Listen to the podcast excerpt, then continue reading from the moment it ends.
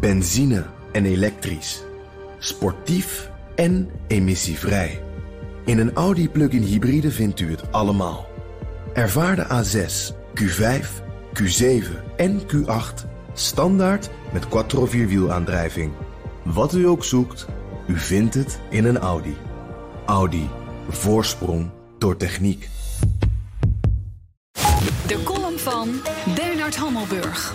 Dinsdag kiest Amerika een nieuw parlement. Wat zijn de consequenties voor Trump? Cor Fransen stelde de volgende vragen.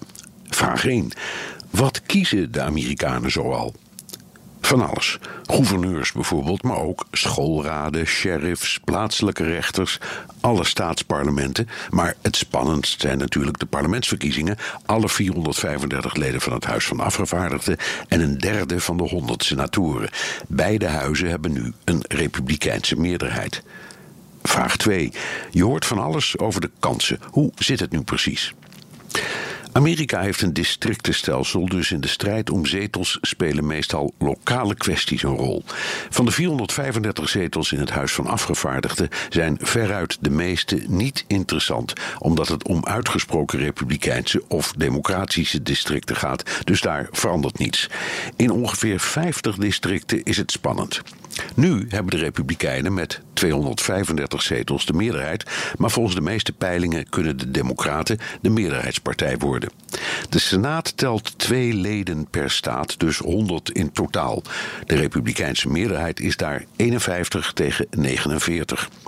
Omdat van de 34 beschikbare zetels ook daar de uitkomst al vaak vaststaat, gaat het maar om een stuk of 10 twijfelgevallen en de kans is groot dat de Republikeinen weer winnen. Vraag 3. Als Trump beide huizen zou verliezen, wat betekent dat? Dat maakt het lastig, maar het is niet ongebruikelijk. Clinton verloor na twee jaar de meerderheid in beide huizen. Bush junior verloor het Huis van Afgevaardigden. Obama verloor beide huizen. Ze bleven desondanks alle drie acht jaar president. Bovendien is Trump als dealmaker misschien best in staat met de Democraten te werken. Vraag 4. En het omgekeerde, als de Republikeinen beide huizen winnen. Dan verandert er niets, want nu heeft Trump ook beide huizen. Voor de Democraten zou het een ramp zijn en volgens veel Amerikanen eigenlijk ook voor de democratie. Trump heeft dictatoriale trekjes en daar maken veel mensen zich zorgen over. Aan de andere kant, als die zorgen zo groot zijn, waarom is de opkomst altijd zo laag en waarom stemmen die verontruste burgers dan niet op de Democraten? Vraag 5. Zijn de Republikeinen eigenlijk blij met Trump? De meeste Republikeinse kiezers wel, maar onder Republikeinse politici lang niet iedereen. Liberale Republikeinen zitten in een spagaat, maar ze danken hun macht wel aan Trump. Dank, Cor Fransen. In de wereld vol Zammelburg beantwoord ik elke zaterdag vijf vragen over een internationaal thema. Hebt u een onderwerp? Stuur dan een tweet naar @bnr of mail naar onlineredactie@bnr.nl.